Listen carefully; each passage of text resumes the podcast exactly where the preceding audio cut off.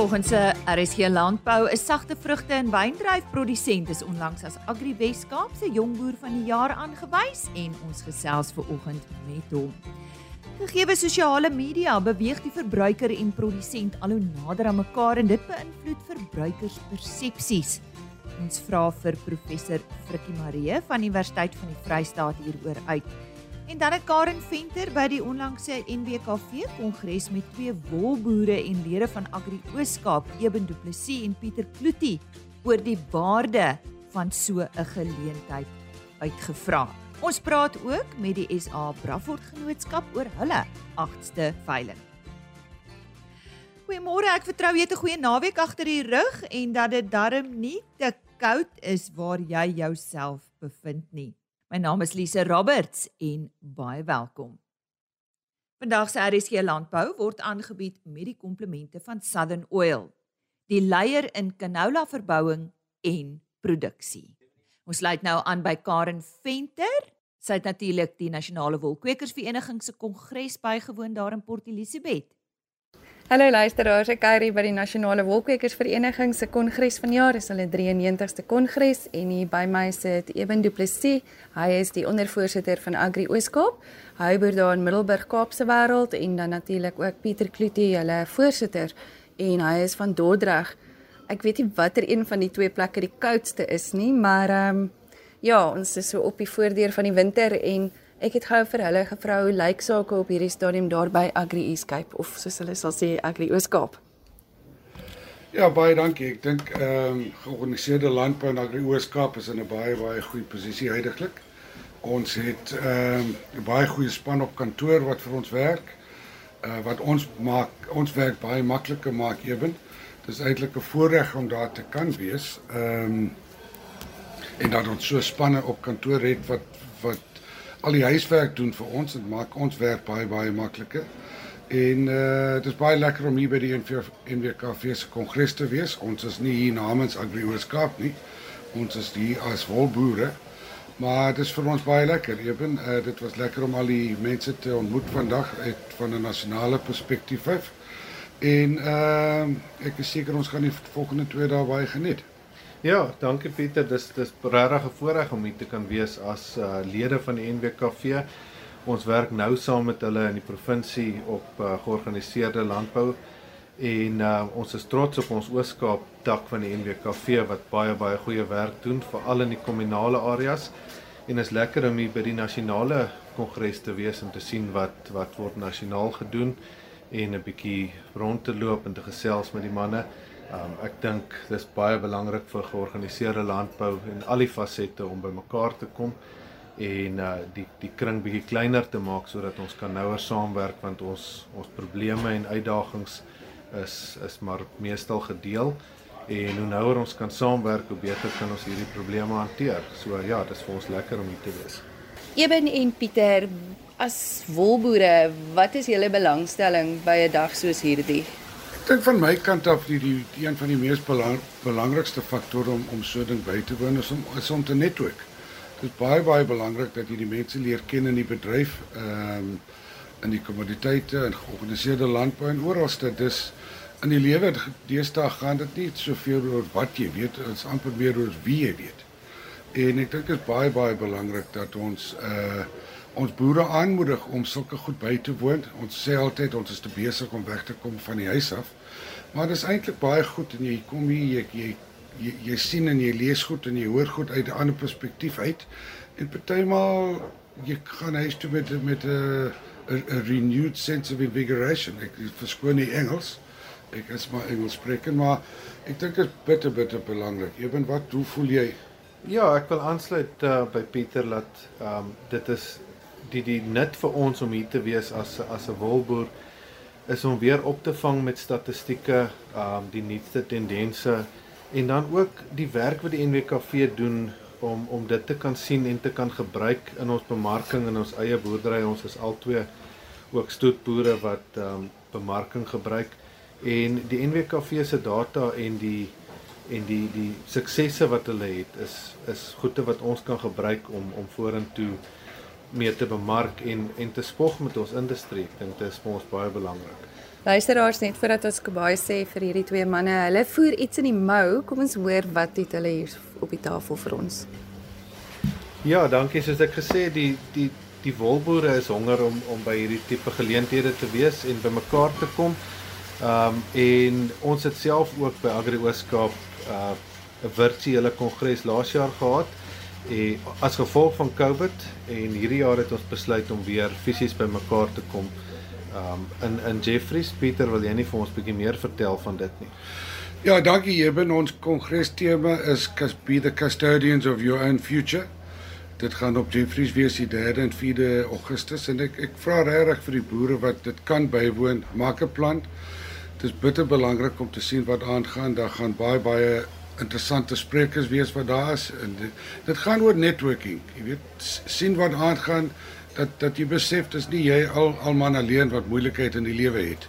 Almal sit met hulle eie probleme en uh partymal as jy huis toe gaan dan dink jy die huis is eintlik 'n baie lekker plek.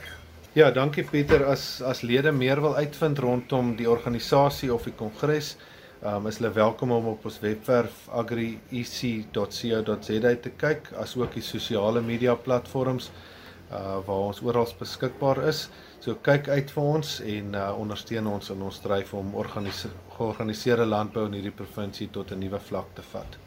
En dit was Eben Du Plessis en Pieter Kloete van Agri Ooskaap en ek is Karen Venter van Plaas Media hier by die NWKV se kongres van die jaar by Pine Lodge in die Baai. En môreoggend gesels sy met Dion Saiman van Cape Wools. Ek gesels nou met Jan Meeker. Nou Jan is die president van die SA Braford Genootskap. Hulle hou eersdaags hul 8ste nasionale veiling. Jan, ja, vertel ons so 'n bietjie van die genootskap en julle teelers. Goeiemôre. Dankie, goeiemôre Lize en goeiemôre aan die luisteraars. Ehm um, ja, ons is so ons is so 30 teelers in Suid-Afrika. Ons is al redelik goed bekend onder die boere. Daar's regtig baie kommersiële boere wat by ons bulle koop. Ehm um, die bulle is bekend as 'n baie uitstekende medium raam vleisbees, maar wat bekostigbaar is vir elke boer. Hmm. En ehm um, so 'n bietjie meer van die Braffert die Bravert is is eintlik 'n internasionale ras wat ehm um, daar in Argentinië en Australië is daar regtig baie baie Bravert. So uh, ons behoort ook aan die in, internasionale uh, genootskap van die Braverts en ehm um, ja, dis hoekom die ras in die 80s al in Suid-Afrika begin teel is en ons het 'n genootskap in die 90s gestig en van daar af boer ons lekker met ons witkoppe. Jan, wat beoog julle met hierdie veiling?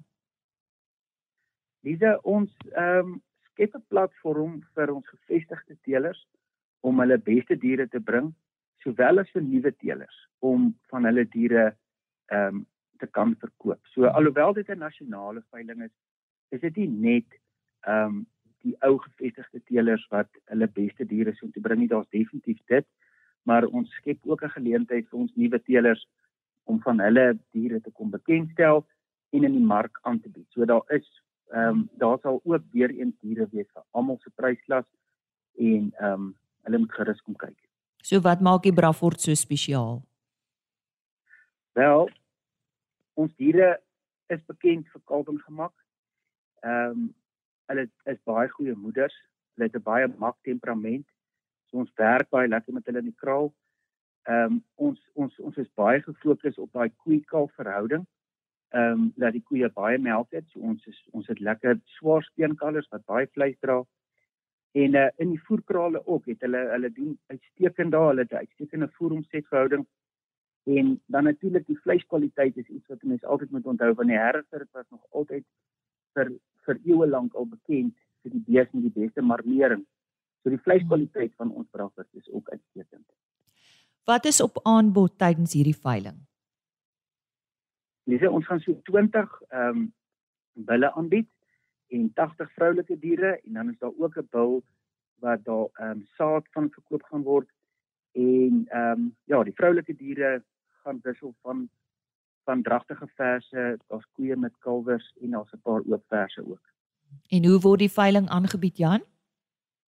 Die veiling ehm um, word in samewerking met OVK aangebied ehm um, lewendig en ons gaan dit ook aanlyn aanbied deur Soortvee uh die mense kan ehm um, dan alles op ons webwerf sien by www.treffert.co.za en ehm um, ja, so hy gaan aanlyn ook aangebied.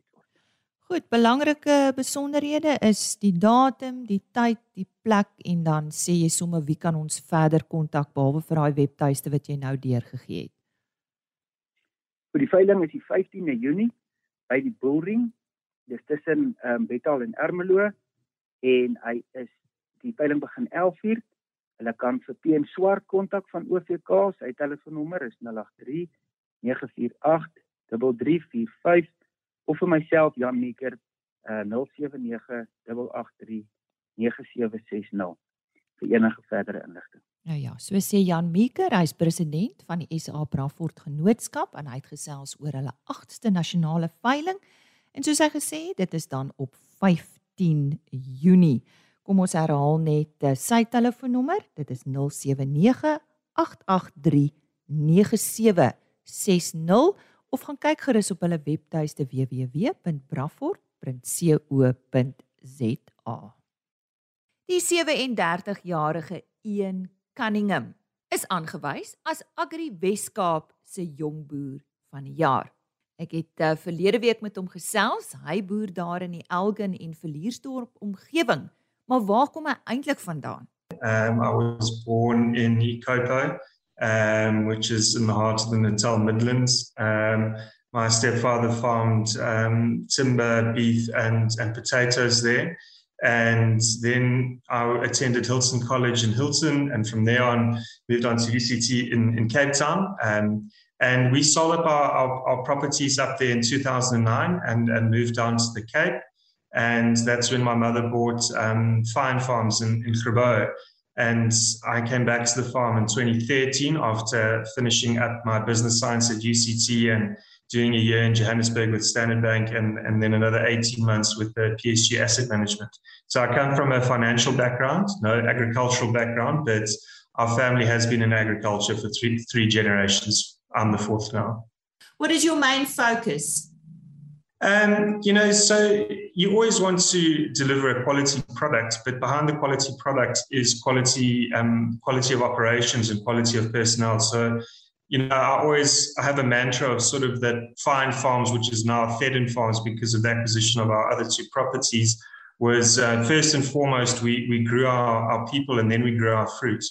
Um, so for me, building a building a business that that will last definitely through my lifetime and hopefully into my children's lifetime. That is hugely um, important for me. And in, in terms of my focus, it's it's just a relentless drive to get better and better um, whether that's, well, I mean, obviously in the agricultural front, but also in the social sphere of things.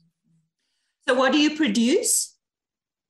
We um, produce apples, pears, and wine grapes. Um, so all the apples and pears are marketed and, and packed by Fruitways Marketing and Packing. And then um, we farm um, the wine grapes go to um, Iona uh, Winery in Elgin. And then there's a couple of little bespoke wineries that I supply some Chardonnay to as well. Farming these days require extraordinary skills. I mean, we think of technology, uh, precision farming. How do you keep up with the latest trends, Ian?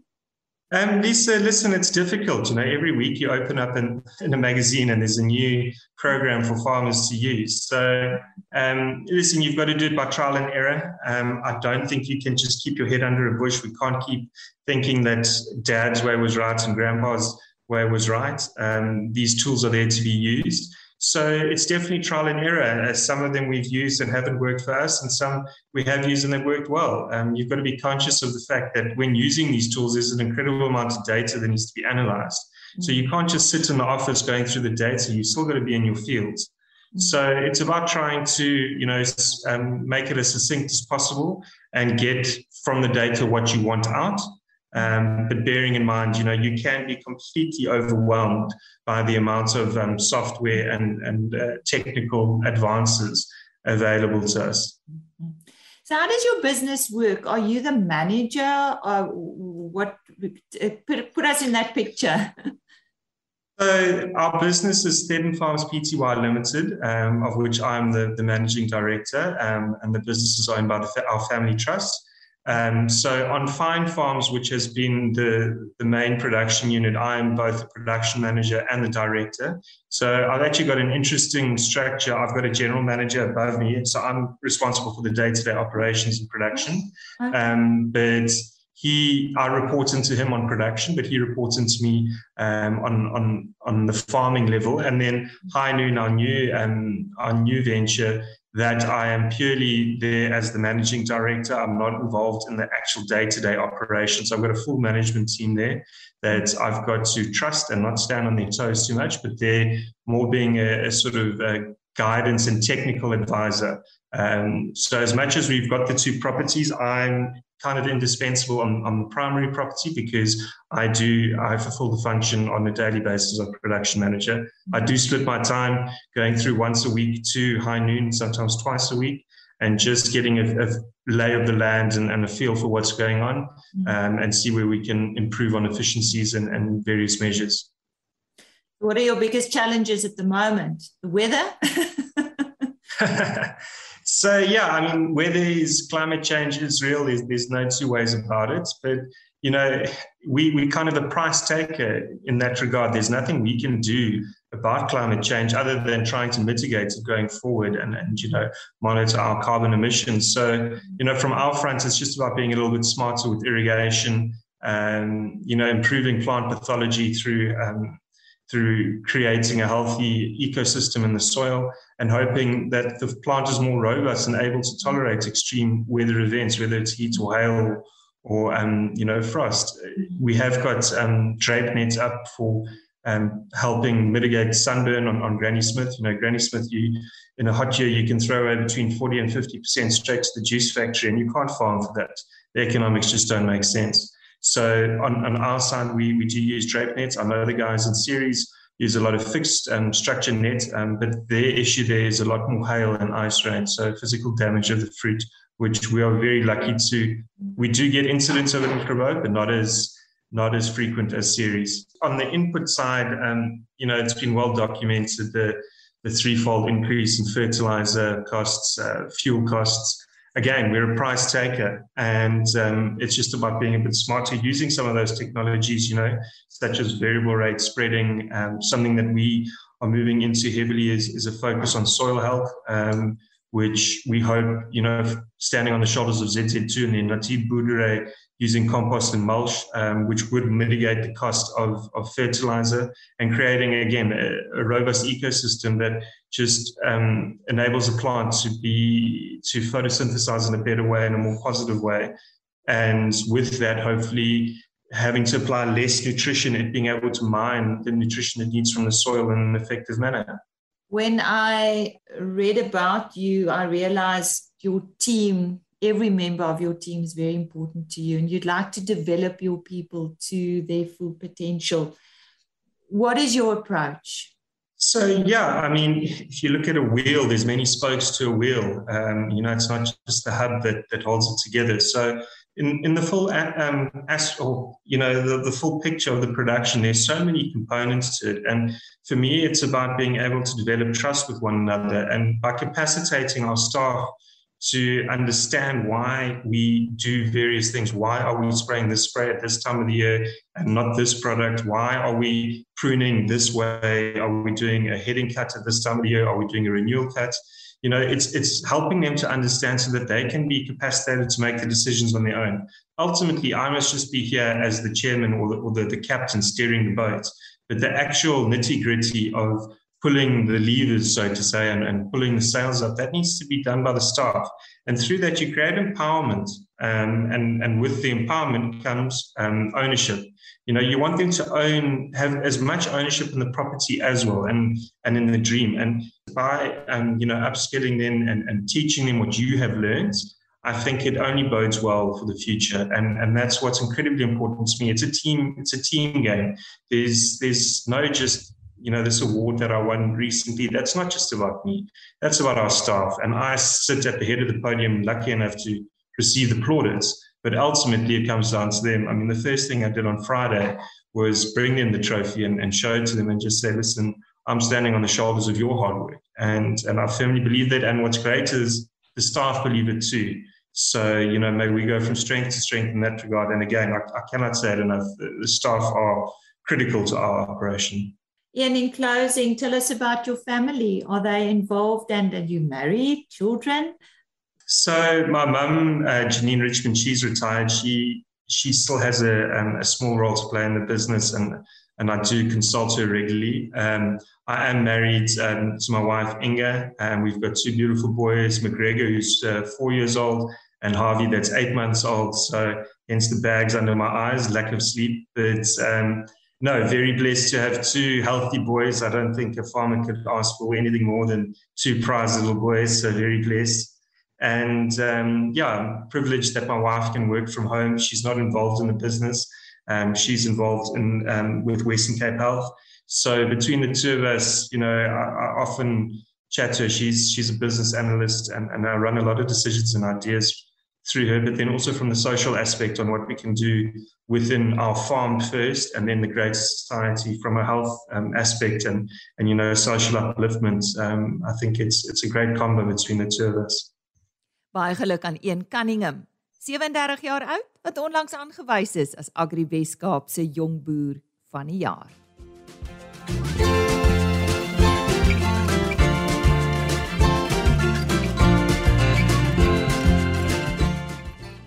Ons fokus nou op verbruikers persepsies en gesels met uh, professor Frikkie Marie van die Universiteit van die Vrystaat.